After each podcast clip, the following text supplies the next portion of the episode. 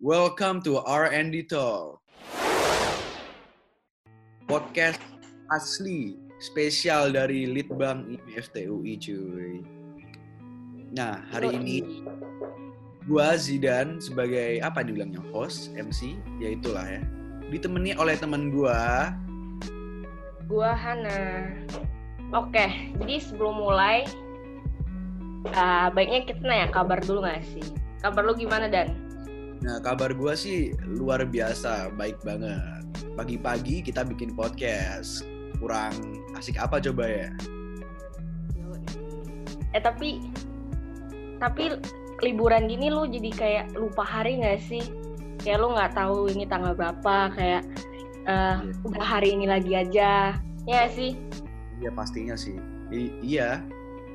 Kayak apalagi udah nggak kuliah kan, udah nggak ngerti nih hari apa.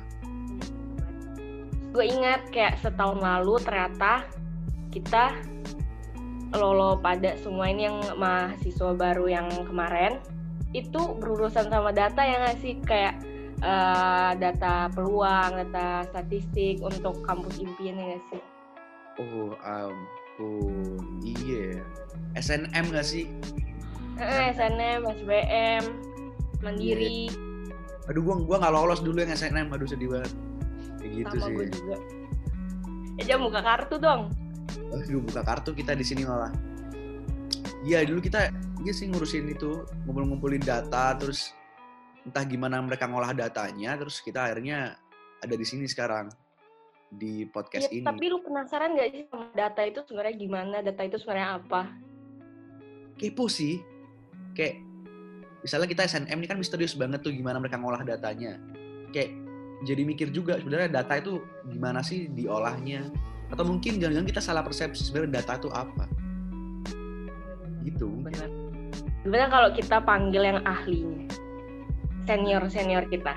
senior nih tamu spesial kita ini yuk Ih, yuk yuk yuk, yuk. Panggil Kakak- Dan. silakan kenalkan dirinya kakak-kakak tamu spesial Check sound. Halo, halo. Hai, Halo. Lu, lu dulu apa gue John? boleh lo dulu dir. Ya udah. Halo eh, pendengar-pendengar podcast R&D Talks. Nama gue Adiro, eh, mahasiswa Teknik Elektro angkatan 2018. Di sini eh, dari eh bukan dari ya, sebagai eh, ya wakil kepala bidang Litbang IME FTUI 2020. wah keren keren banget keren banget Hai, kenalin juga, gue Jonathan, Teknik Komputer 2018, Universitas Indonesia.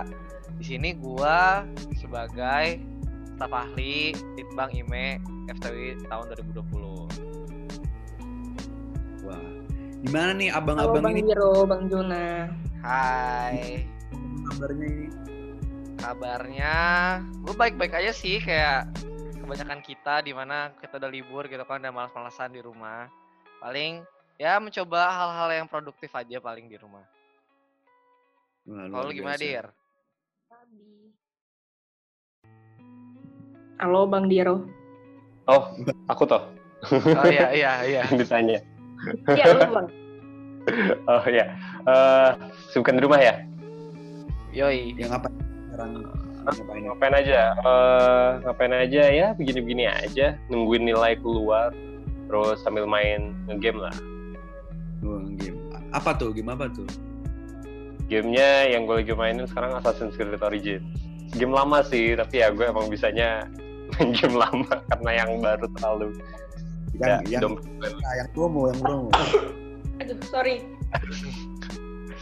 Oke, oke. Oke bang, luar biasa banget abang-abang ini ya. Nah Han, juga loh. Mending kita langsung ke topik kita aja deh Han sekarang. Ya langsung lah gas, gas. Gas lah ya. Jadi guys, malam ini kita mau bi- malam ini sekarang ya. Entah kalian dengerinnya pagi, siang atau malam, kita mau ngomongin tentang data.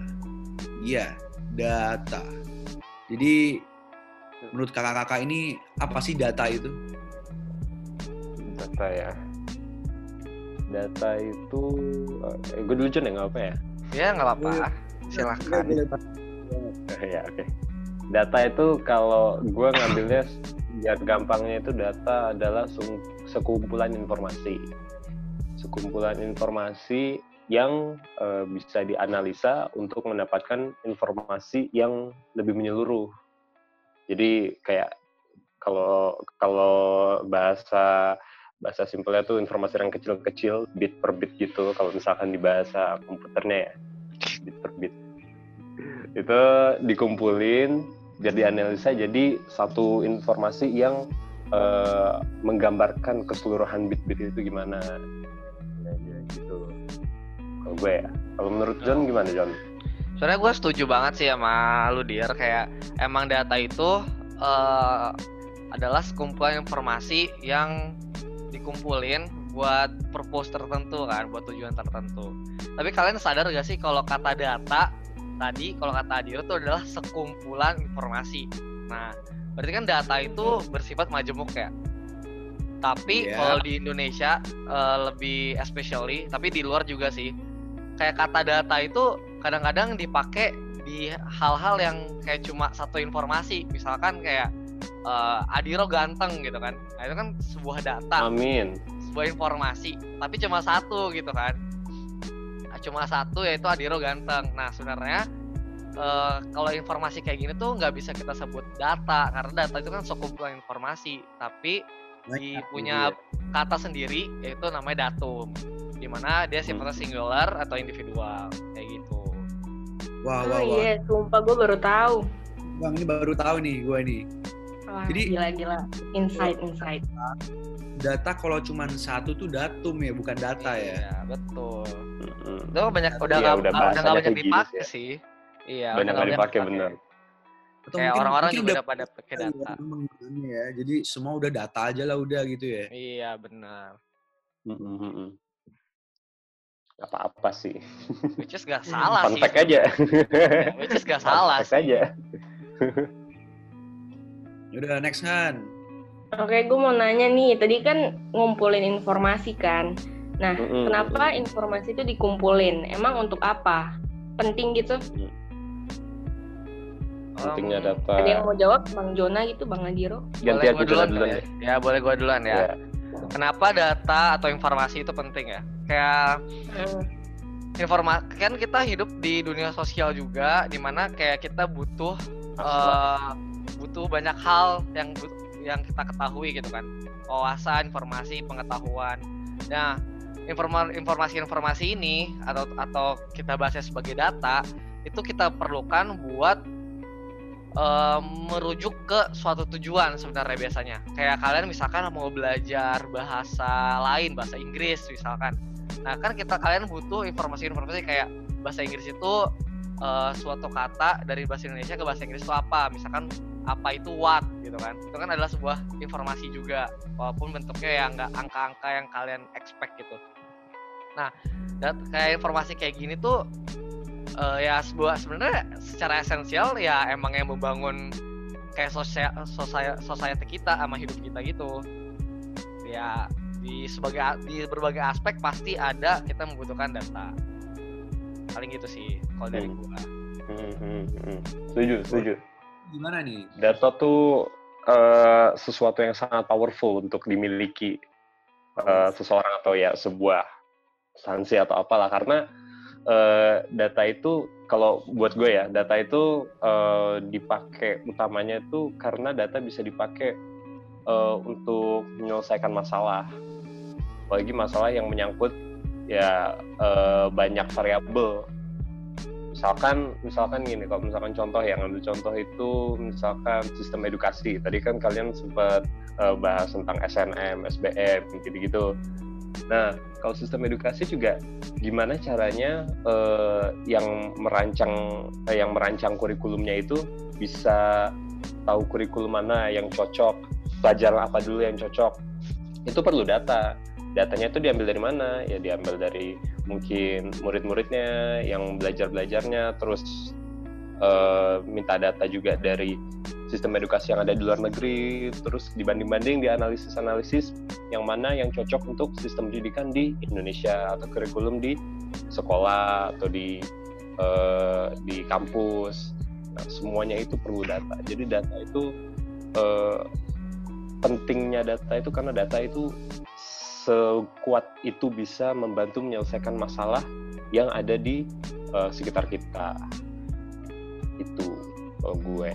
Jadi poinnya data itu dapat menyelesaikan sebuah masalah, dianggap sebagai sebuah uh, suatu apa ya uh, jalan untuk menemukan permasalahan gitu ya. Mm, solusi permasalahan, jangan Solusi nyari masalah. permasalahan ya. Oke. Setuju, Jadi setuju. Se-powerful itu ya Bang data ya. Hmm, powerful banget. Wah, jelas. Kayak banyak banget masalah yang bisa diselesaikan dengan adanya data yang udah dikumpulin. Oke. Kita ngomong-ngomong tentang data ini dan sepowerfulnya ini itu emang data tuh macamnya apa aja sih Bang? Macamnya. Hmm, Apa aja? Kalau setahu gue sih, kalau yang paling yang paling tinggi ya kayak yang paling umum itu sebenarnya bisa data tuh bisa dibagi dua. Kayak yang pertama tuh data kualitatif, sama yang kedua tuh data kuantitatif. Nah kalau gua mau ngasih contoh, mungkin kalau data ngebedainnya tuh dari katanya sih kan kualitatif berarti kualitas, kuantitatif berarti kuantitas. Yang data kualitatif itu biasanya bentuknya tuh dalam bentuk kata-kata gitu. Kayak data kualitatif tuh bisa Tadi ada Adiro sebuah- ganteng. Oh tuh Adiro ganteng itu bisa, di, bisa dibikin data kualitatif. Ya data kualitatif ini biasanya kayak lebih ke lebih banyak subjektif ya. Tapi kan karena ini data ya bi- biasanya diambil dari banyak dari banyak sumber dan ya kalau misalnya emang itu benar ya berarti bisa dianggap data kualitatif.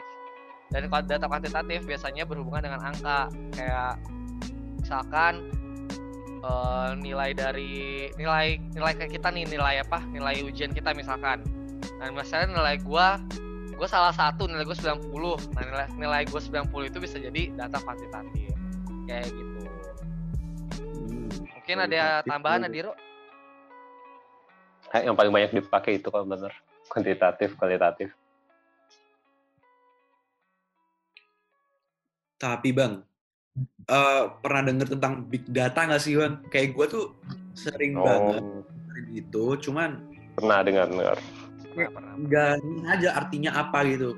Kayak kurang Hmm, ngerti Iya gitu. sama gue juga sering dengar big data tapi kurang tahu tuh hmm, apa. hmm, hmm. Apa maksudnya gitu? Bisa tolong jelasin tuh. Iya, iya, iya. Eh, big data itu sebenarnya ya kalau misalkan di di translate-nya ya. eh, eh, ini fun fact lagi. Ternyata big data itu ada bahasa Indonesia-nya. Bahasa Indonesia-nya Mahadata. Oh my god. Iya. Kalau kalian kalau kalian Google big data di Wikipedia bahasa Indonesia yang muncul Mahadata namanya. Ya udah itu itu fun fact aja. Eh, big data itu eh, secara eh, secara umumnya itu data yang eh, datanya itu skopnya itu sangat luas. Skopnya sangat luas, misalkan itu mencakup eh, ya mencakup manusia, seluruh manusia yang ada di bumi atau di negara gitu. Nah, itu skop yang luas. Dan datanya itu eh, selalu bisa apa bisa berubah gitu. Selalu bisa berubah eh, misalkan nih eh, salah satu contoh big data itu eh, apa ya misalkan rekomendasi YouTube rekomendasi eh, di YouTube kalian. Yang kalian tonton di YouTube kalau misalkan muncul rekomendasi itu pasti kan sesuatu yang oh yang sebelumnya ditonton. Eh, ada kaitannya gitu. Nah eh, data-data itu sangat eh, banyak karena dari YouTube-nya itu ngumpulin dari ya setiap akun YouTube yang ada di dunia. Dan itu jumlahnya banyak banget dan datanya bisa berubah secara terus menerus tiba-tiba kita pengen nonton eh, anime yang muncul rekomendasi anime. Tiba-tiba kita lagi pengen nonton eh, eh, apa video yang terkait mata pelajaran mata kuliah. Nanti direkomendasi tentang mata kuliah. Jadi eh, terus berubah gitu big data. Dan big data itu secara generalnya yang analisa juga komputer. Karena ya terlalu besar untuk dianalisa secara tradisional. Maksudnya oleh kita kita manusia ini. Karena sangat banyak dan ya tadi sangat besar dan eh, sangat pesat perubahannya. Itu sih kalau eh, big data yang gua pahami. Gila, jadi benar apa ya? Ngaruhin berbagai aspek hidup kita ya. Kayak Mm-mm, itu. Big data tuh bahkan ya, big data tuh bahkan sampai kalau kalian tahu banyak bisnis-bisnis company-company gede yang di mana pada dia tuh eh, memproses big data itu. Jadi big data sebenarnya ada, ada cuma sekumpulan data yang banyak banget variat eh, varian variatif, terus volumenya gede banget, terus yang penyebaran itu tinggi banget. Nah itu tuh sebenarnya big data.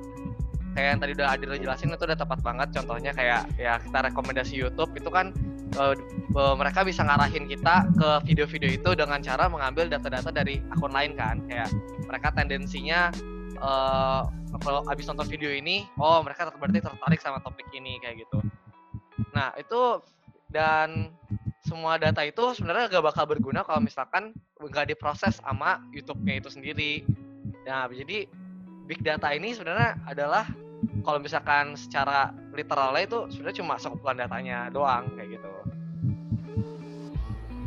Hmm, tapi gue tertarik deh sama yang ini. Apa tadi kalau misalnya kita mau ini, maka muncul ini. Terus Hmm. gue tertarik ada cerita seru gak sih di balik itu? Kayak misalnya dari Bang Jona atau Bang Andiro ada pengalaman seru gak sih? gue tahu Jona ada. oh iya apa nih? Apa nih? Ceritain Jon.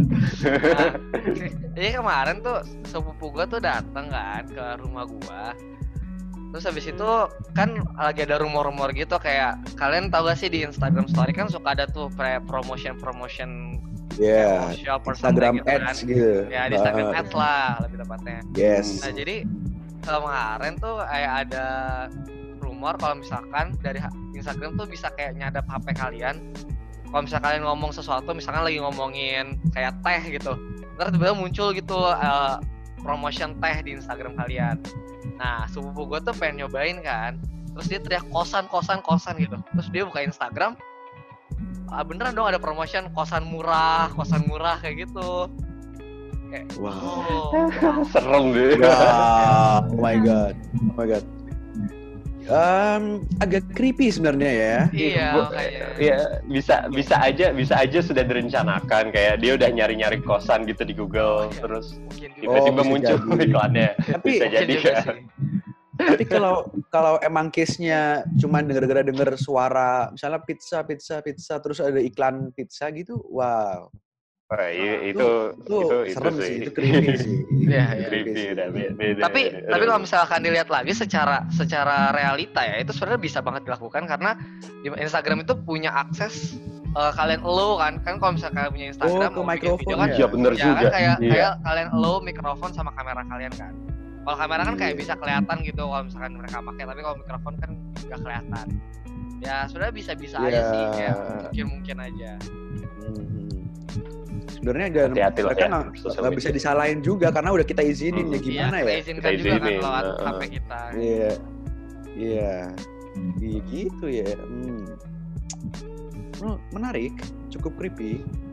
Kalau gue nggak ada cerita menarik yang paling gue nggak ada cerita menarik. Cerita gue ya paling ya udah ya udah nonton nonton video di YouTube terus rekomendasi yang muncul oh terus tiba-tiba oh udah udah udah jam 3 pagi aja Ya, gitu. ya. Lebih ke recommendation sih yang seringnya itu. Iya. Everyone can relate sih biar sampai jam 3 pagi Everyone can relate. Pendengar-pendengar pasti sudah bisa relate juga kan? Nonton YouTube terus tiba-tiba gak sadar jam berapa? Eh, Waduh, itu TikTok bahaya banget. Gitu sih kalau misalnya kita like terus muncul Ah. itu itu mulu. Oh ya. Iya. hmm, itu juga. Kita like video tertentu, munculnya bakal yang setipe-setipe itu juga. Mm, yang setipe sejenis. Oh, itu algoritmanya pusing dah. itu. Algoritmanya itu dia, software yang analisa big datanya itu. Eh, Software betul. engineer-nya gimana nih? Wah. Oh, anjay. Menjadi software engineer dan Waduh, amin amin. siapa tahu iya, siapa mau jadi tahu. data analis atau apa. A- atau malah artis TikTok. Waduh. Waduh, waduh. iya, udah jadi artis TikTok ya. Aduh, aduh, belum, belum. Oh, On the way, on the way. Road to, road to. On the way. TikTok. Road to masih menuju nih. Atau malah kerja di TikToknya ya jadi software engineer sekalian jadi artis TikToknya. ya sekarang jadi artis TikTok gitu kan kerja di TikTok Iya, weh. sekalian. sekalian. ntar ntar gua gua arahin semuanya gua gua yang muncul videonya gua terus gitu. Recommendednya muncul. TikTok Oh, iya, iya, iya. Algoritmanya gua rusak gitu. makanya video Zidan Ramadan selalu FYP di semua di semua orang Ini langsung FYP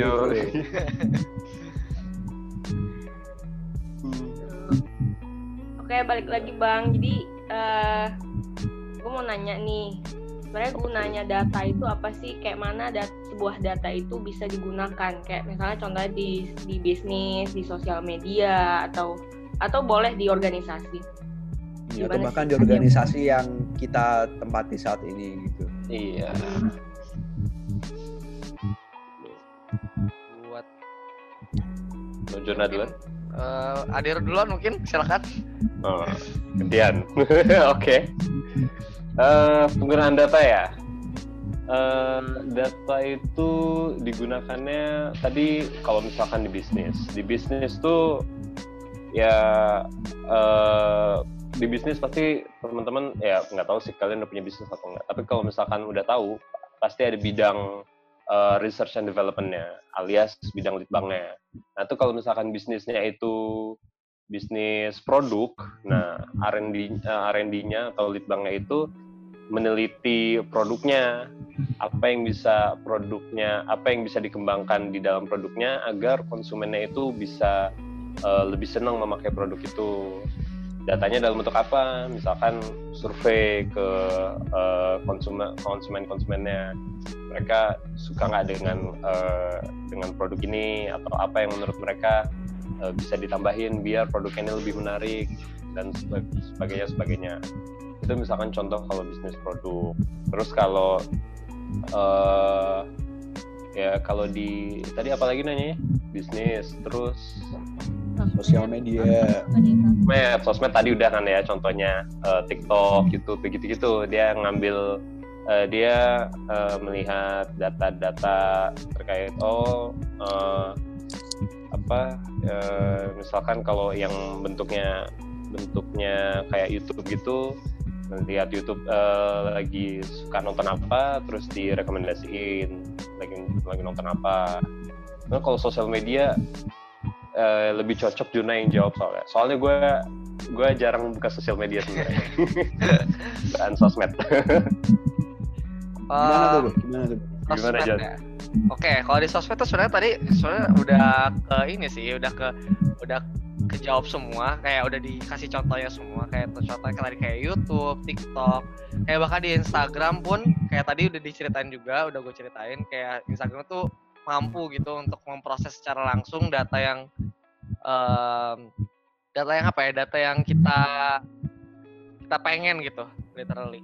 Kita explore itu ya Nah ya, jadi kalau misal kalian tahu nih di, internet itu internet gede ya, terutama di bagian sosmednya, di mana sosmed itu udah jadi kayak kehidupan sehari-hari kita, udah wah, bisnis ke bisnis jalan di sana, kayak aktivitas berjalan di sana, banyak lah yang berjalan di internet.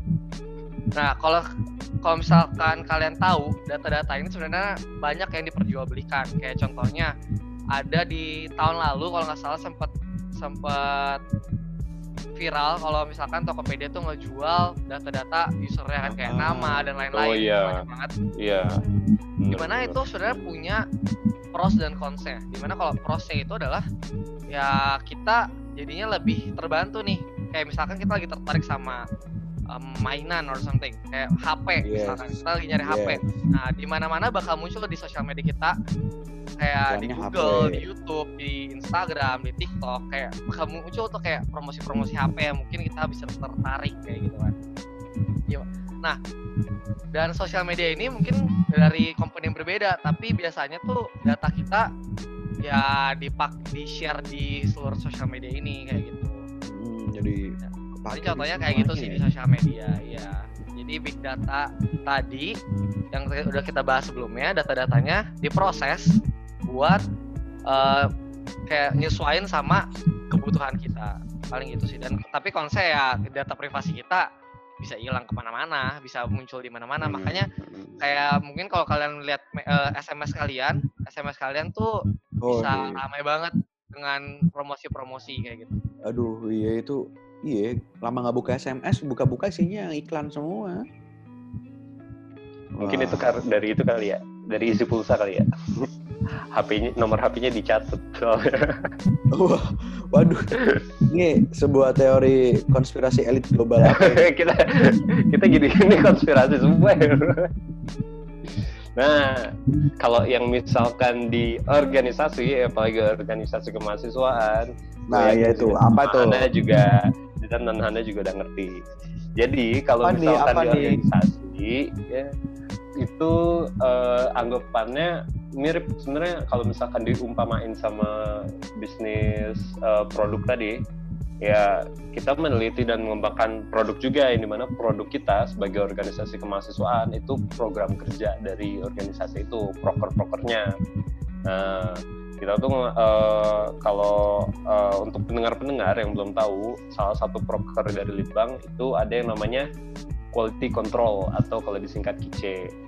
Nah, prokernya itu Wow. eh, bentuknya itu survei kepada mahasiswa-mahasiswa eh, Departemen Teknik Elektro di UI oh, untuk tahu eh, menurut mereka proker yang dari IME itu sudah memuaskan untuk mereka atau belum, seberapa penting untuk mereka dan apa yang mereka mau eh, lihat gitu, apa yang mereka mau tahu dari eh, kayak apa ya, misalkan ada proker talk show uh, semacam talk show gitu uh, mau materi yang seperti apa Nah, kita juga minta kritik dan saran nah data-data itu kita pakai untuk membuat proker IME lebih menarik di untuk mahasiswa Departemen Teknik Elektro gitu kalau di organisasi kemahasiswaan IME Jatuhnya agak promosi, tapi bener juga sih, Bang. eh Tidak salah. tapi benar penting makanya makanya penting agar mahasiswa Departemen Teknik Elektro mengisi borang quality control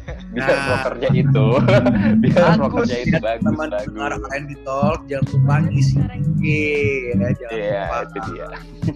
Jangan udah dibagiin linknya di okein doang, nggak di Iya.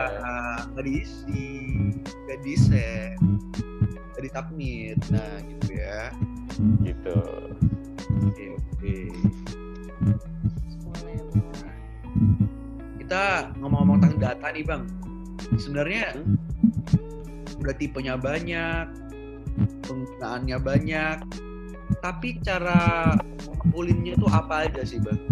Gimana cara ngumpulinnya? Metodenya, metodenya itu gimana? Hmm. Apa aja gitu? metode data ya.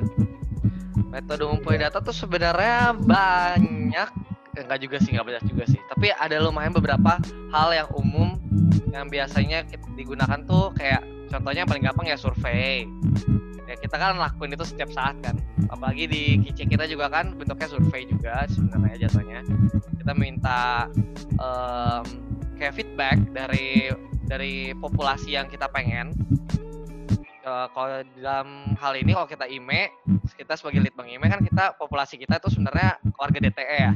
Nah itu adalah target survei kita. Nah itu salah adalah salah satu cara buat dapat data. Tapi data secara eh, data itu bisa juga diambil lewat berbagai metode. Contohnya dengan cara dari ngutip dari buku yang official jurnal-jurnal artikel yang official yang emang related sama eh, subjek yang emang kita pengen kita pengen apa ya kita pengen dapetin gitu kita pengen cari sesuai kebutuhan kita juga.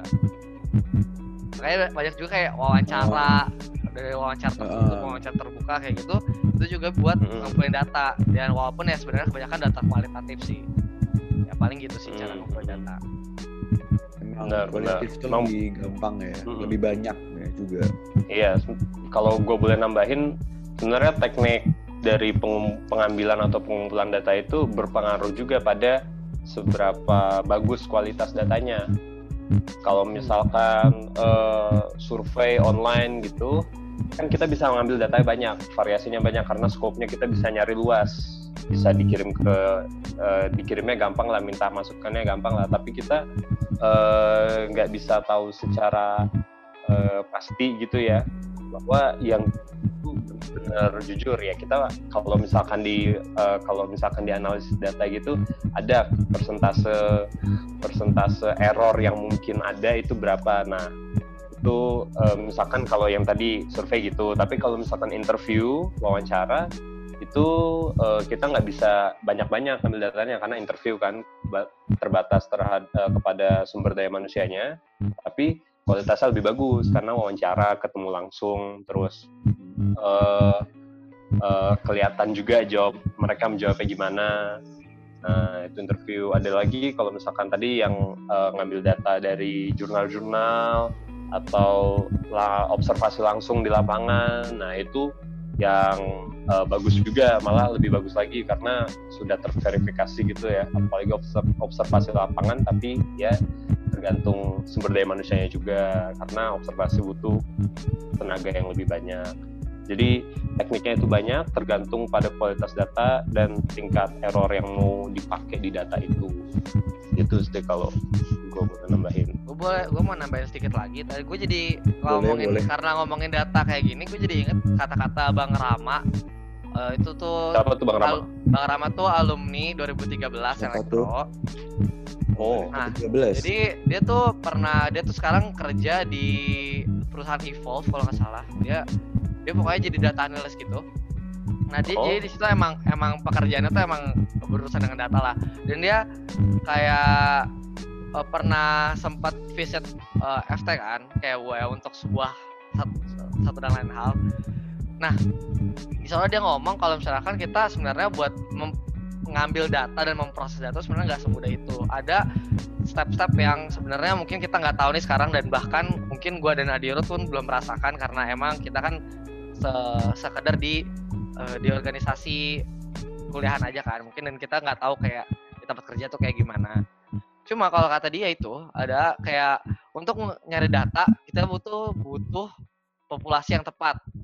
Contohnya misalkan kita mau nyari data soal cara bermain bola yang benar. Kan kita nggak mungkin ngambil datanya dari pemain basket atau pemain hoki yes. gitu kan. Kita harus ngambil hmm, dari iya bener. pemain bola gitu yang yang beneran gitu kan pemain sepak bola yang beneran. Nah paling ya secara contoh kecil sih kayak gitu. Dan kita nggak boleh remehin kayak data-data yang kecil-kecil. Itu ngeprosesnya tuh nggak boleh sembarangan gitu sebenarnya.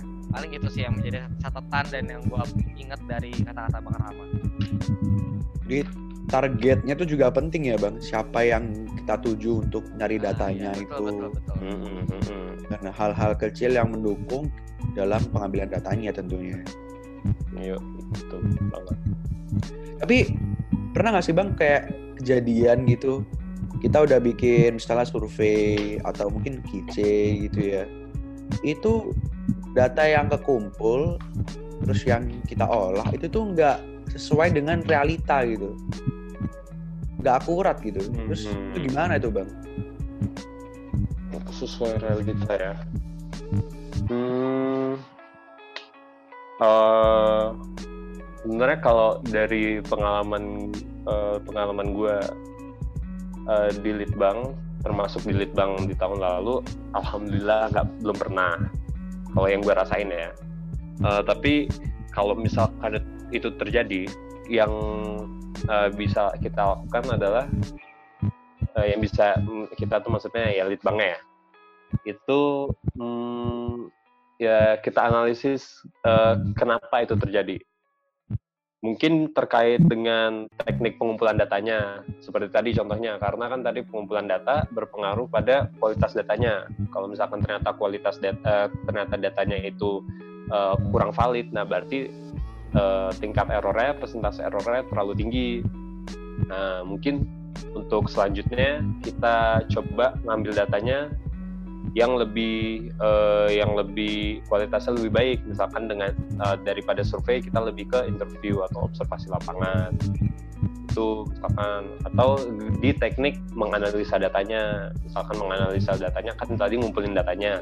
Setelah data dikumpulin kan dianalisa diproses yeah. biar dapat kesimpulan yang lebih bagus. Oh ternyata dianalisa datanya ada data yang kita miss misalkan gitu. Nah itu jangan sampai terjadi lagi data yang miss segala macamnya gitu itu paling kalau yang kita bisa lakuin ya sebagai eh, sebagai lead bank.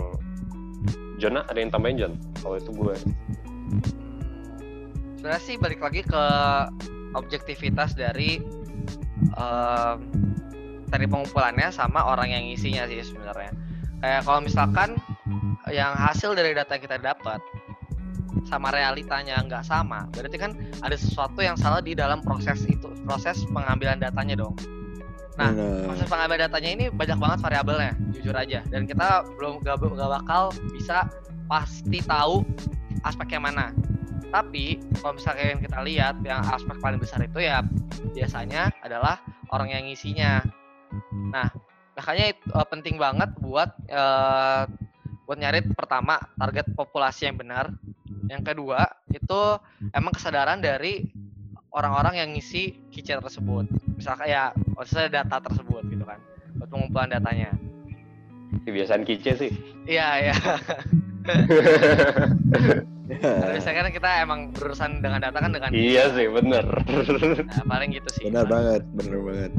Eh, tapi kalau kayak tadi disparity between eh, eh, data dan juga realitinya itu biasanya terjadi kalau misalkan ada eh, apa ya emang dua data sebenarnya diperlukan tapi cuma satu gitu yang di, yang dipakai misalkan kayak ada sebuah workshop gitu sebuah workshop Hmm. di mana kita nyari data itu soal kayak publikasi kayak ketepatan waktunya dan lain-lain kayak eh, presentasi dari orangnya.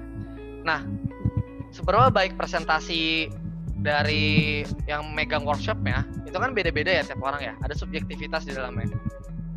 Nah, bi- jadi data itu bisa dibagi kayak kualitatif dan kuantitatif kan sebenarnya. Nah, yang bisa yang bisa bikin beda antara data dan juga realita biasanya adalah subjektivitasnya ini. Kayak karena subjektivitasnya ini biasanya menjadi aspek terbesar kenapa bisa ada perbedaan di data dan juga di realitanya. Mungkin banyak orang yang kayak "Eh, ini sebenarnya nggak gitu bagus gitu. Dan yang mungkin kita bisa merasakan kalau misalnya dia eh, yang bawa acara itu kurang bagus. Tapi karena yang ikut banyak eh, mungkin temennya banyak, bisa banyak teman dari yang megang acara ini atau emang ya tendensinya mereka nganggap eh, lebih suka orang yang kayak gini.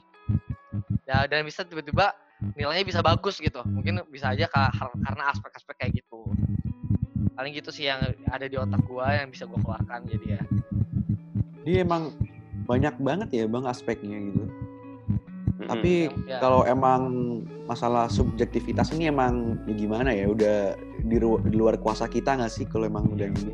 betul betul Mm-mm. Karena emang tiap orang beda-beda kan Ya. cara mereka menilai sesuatu gitu. Kan pasti ada aja orang yang kayak ya udah bagusin semua aja lah gitu. Pasti ada yang gitu. ya kan. pasti pasti pasti. Itulah itulah tantangannya untuk seorang eh, yang bekerja di perlitbangan.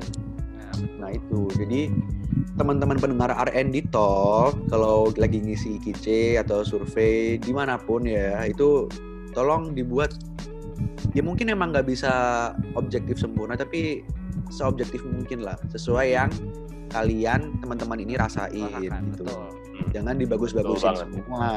Karena mereka juga butuh datanya gitu. betul Iya. sekali teman-teman Betul betul. karena karena yang jelek-jelek tuh bisa dievaluasi juga tapi Nah. ya sebenarnya kan data itu kumpulan subjektivitas juga ya dari orang-orang jadi ya emang ya sesuai taste masing-masing sih tetapi kalau bisa sesuai dengan juga apa yang kalian rasakan di real, Yes. real time-nya Nah, Mm. diisi sesuai yang apa kalian alami dari pengalaman kalian, apa yang kalian rasain gitu. Oke. Eh, Oke, Han, Terakhir nih bang. Eh, terakhir nih, terakhir nih.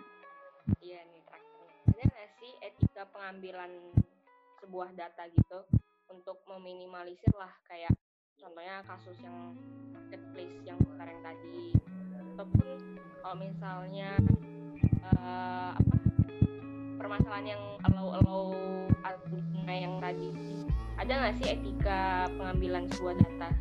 Nah, bener. Gimana tuh bang, etikanya biar nggak ganggu privasi kita itu gimana maksudnya? Etikanya Etika gimana? pengambil pengambilan data. data Ya, Hmm, ya sebenarnya itu paling sesuatu menarik. sebenar-benarnya ya sebenar-benarnya ya berarti ya datanya itu harus diambil dengan seizin dan sepengetahuan yang datanya diambil sebenarnya ya kayak gitu sih secara simpelnya. Tapi mungkin Hmm. eh, untuk etika ini sendiri kan kalau misalkan dari organisasi yang kita jalanin sekarang ya mungkin lebih ke etika-etika yang sopan dan lain-lain cuma yang sebagai intinya yang gua tahu dan yang menurut gue benar adalah ya tadi harus seizin dan juga sepengetahuan dari orang yang diambil datanya. Paling kayak gitu sih. Hmm. mungkin Benar, kalian itu- bertiga ada ada mungkin ada opini yang lain? Gue gue itu ada ada hal yang menarik tuh dari yang eh, tadi Juna eh, apa sebutin. Karena gue sering gue sering banget ngelihat ada ini kalau misalkan kalian pernah coba iseng-iseng ya. Itu pernah ada masa di mana eh, teman-teman kita mahasiswa-mahasiswa dari fakultas psikologi itu buat survei-survei gitu. Karena mereka ada penelitian terkait ya, psikologi gitu.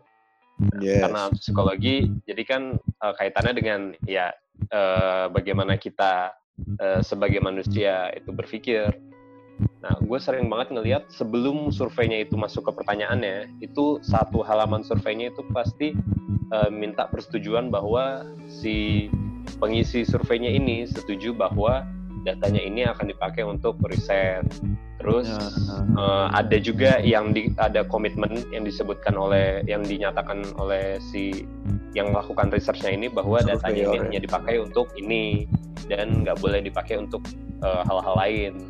Nah, itu etika yang menurut gua terbaik kalau misalkan untuk ngambil data terkait eh, data-data pribadi gitu, misalkan preference pribadi. Karena ya data pribadi itu harus dijaga kalau misalkan kita kan litbangnya kalau litbang di kita di IMEC kan lebih ke preference broker ya. Kalau itu Iya. eh, ya cuman cuman menurut mereka brokernya lebih baik gimana itu sih kalau menurut gua nggak terlalu ke pribadi ya ke data yang pribadi. Tapi kalau misalkan Ya. data pribadi itu penting banget. Benar kata Jona Jona tadi penting banget untuk dapat consent atau persetujuan dari eh, si eh, ya tadi datanya itu diambil dari siapa penting banget. Nah, itu juga terkait sama eh, selain itu juga ya berarti eh, di integritas dan komitmen si yang pengambil datanya ini. Kita sebagai lead bank juga harus bisa dengan bijak ya meng- menggunakan datanya ini hanya untuk pengembangan apa yang sudah kita nyatakan tujuannya untuk apa ya untuk broker bukan untuk oh ngejahat nyahatin atau ngejelek-jelekin broker atau bidang lainnya enggak Iya, enggak iya, iya. kita di sini mau berkembang namanya juga penelitian dan pengembangan kan nah, Yes. itu Wah, etika etika terbaik kalau menurut gue ya Jadi emang apa ya? Perizinannya, concernnya itu udah harus banget ya dari apa yang kita apa ya, kita surveiin, kita researchin dari orang-orangnya itu itu wajib banget sih emang. Tapi bang, Mm-mm. kan kayak apa namanya? Misalnya kita low low tadi, misalnya kita balik lagi ke yang Mm, sosmed mm. nih. Kita low Iya, low iya, boleh, mikrofon, kamera. Mm, Hmm. Itu kan mm, gimana ya? Itu kan kita low karena kita butuh misalnya kita mau ngepost sesuatu, kan? mm, mm. Jadi Yap. kita butuh gunain mikrofon itu mah. Cuman kalau memang benar kejadian tiba-tiba ngiklan karena kita ngomong-ngomong itu kan itu bukan melewati batas batas privasi kita gitu ya. Nah, konspirasi tuh nggak ngerti gue tuh tapi Iya that's kan? why Iya kan? ya benar-benar Iya, iya. that's why Oh. makanya makanya ah, banyak kayak di data tuh diperjualbelikan secara masif gitu kan Se- di di mana-mana makanya Tokopedia tuh Ah, bisa be- bisa dapat miliaran rupiah dengan cuma jual data itu itu karena karena ya data tuh sepenting itu dan mereka tuh ngejual itu tanpa sepengetahuan dan seizin kita. Iya. nah maka dari itu ini sebenarnya ada insight lagi. Salah satu skill yang lagi trending di tahun-tahun ini di 2020 ini adalah cyber security. Itu banyak banget perusahaan yang lagi nyari eh, orang-orang yang ahli di cyber security. Gimana caranya biar eh, data-data yang udah dikumpulin itu nggak bisa dibobol oleh para hackers gitu-gitu karena eh, yang biasanya ngejual itu kan yang hacker yang Iya. berhasil ambil datanya, bobol datanya, terus ya dapat data yang dijual lah. Nah, Wow. itu yang makanya itu cyber security itu juga penting untuk ngambil data apalagi big data big data yang sekarang ya datanya karena banyak kan di cloud ya di eh, di internet Wah. disimpannya nah, cyber security itu penting untuk jadi untuk apa ya kehidupan kita sekarang Betul. Walaupun nggak mengukir sih kayak ada beberapa perusahaan yang ya sketchy gitu kan kayak ini Zoom aja pernah admit kalau mereka tuh pernah benar mereka benar pernah Iya, ngejual berapa billion data gitu buat jadi Iya. duit gitu. Mereka bahkan mereka pernah admit kayak gituan kan. Kayak ya emang kita Mm-mm. sebenarnya mungkin Dan kita ya nggak mereka tahu aja gitu. ya kita nggak tahu aja gitu sebenarnya. Secara nggak ilegal mereka ngambil data kita. Ya kita juga harus hati-hati lah yang lihat pelayanan apa yang kita pilih. Eh, software apa yang kita pilih aplikasi apa gitu juga harus Iya, iya. dilihat-lihat benar-benar banget. Jadi ya kita sebagai pengguna juga harus hati-hati nih untuk menjaga privasi kita tentunya. Karena emang data kita bisa aja diambil kapan pun dan digunain kapan pun meskipun kita nggak izinin. Gitu kan. Jelas. Banyak banget kejadiannya. Hmm. bijak-bijak Kalau menurut Ya. kalian gimana? Kalian berdua kan kayak juga ngegunain sosmed, juga nyari-nyari data. Kalau setelah obrolan-obrolan kita ini, menurut kalau menurut kalian gimana nih tentang data dan juga kayak tadi soal sosmed tadi kayak illegal data trans eh, transferring gitu, transaction maksudnya itu menurut kalian kayak gimana? Sebenarnya yang gua rasain tuh gini sih bang. Misalnya kita ada allow allow gitu atau accept, terus itu kan persyaratannya panjang gitu kan kadang-kadang. Mm-mm. Iya, iya. Terus orang-orang jadi males baca langsung asal accept aja. Oh iya langsung accept bener-bener. Ya, gua gua tuh udah bi- ngebiasain untuk baca dulu gitu. Apa aja sih Hmm. yang bakal kejadian kalau gua nge-accept ini dia nggak ngasal nge-accept aja gitu. Karena bisa aja itu apa kayak kayak ngejual data kita tuh misal bisa aja ada di situ gitu loh. Ada di Mm-mm, kalimat mm. gitu terselubung iya, gitu. Benar, benar. Itu entah entah emang mereka bikin itu biar orang nggak mau baca, biar orang merasa nggak perlu baca atau nggak tahu Bisa strategi aja mereka. sih. Tidak ada yang Bisa tahu. aja, Sangat bisa mungkin. aja kan. Sangat mungkin, sangat mungkin. gitu sih jadi lebih lebih hati-hati aja nggak asal low gitu Keren dan keren, bijak itu. Hana gimana Hana? gue pribadi malas banget untuk baca apa kayak terms and condition gitu jadi biasa langsung agree aja gitu Iya, iya, iya. Nah, sekarang lebih hati-hati lagi lebih dibaca lagi karena data itu Iya, bener-bener. Kalau kalau kalau misalkan eh, katanya Uncle Ben kalau misalkan dari Spider-Man with great power comes great responsibility. oh ya ampun Anjay. Kalben, Kalben. almarhum almarhum great Uncle Ben. powernya tadi data, eh, responsibility juga harus tinggi. Iya iya Itu dia, Kalben, Kalben. Uncle Ben. oke udah sih kayaknya ada lagi Han tambahan Han sih kayak udah terjawab semua udah keren keren Berarti banget. pernyataan penutup tadi ya. with great Oh, power iya. comes great responsibility. waduh ulangi bang ulangi bang penutup Kalau Bang. Bukan itu kata Uncle Ben.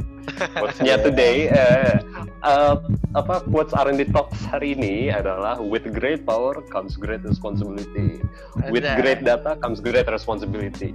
Nah, itu teman-teman ya. Jadi eh, bijaklah dalam apa namanya memberikan data kalian atau dalam menggunakan data karena ya itu hal yang sangat penting dan ada privasi di situ kan.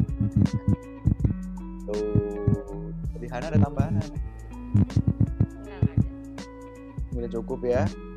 Oke teman-teman pendengar R&D Talks kapan pun kalian dengerin ini pagi, siang, malam, lagi sarapan ataupun sebelum tidur ya itu aja sih pembicaraan hari ini. Thank you banget udah mau dengerin sampai akhir. Eh, sekian dari kami. Wassalamualaikum warahmatullahi wabarakatuh. Waalaikumsalam. Waalaikumsalam. Sampai jumpa di episode Bye. selanjutnya. Sampai jumpa, sampai jumpa. Bye.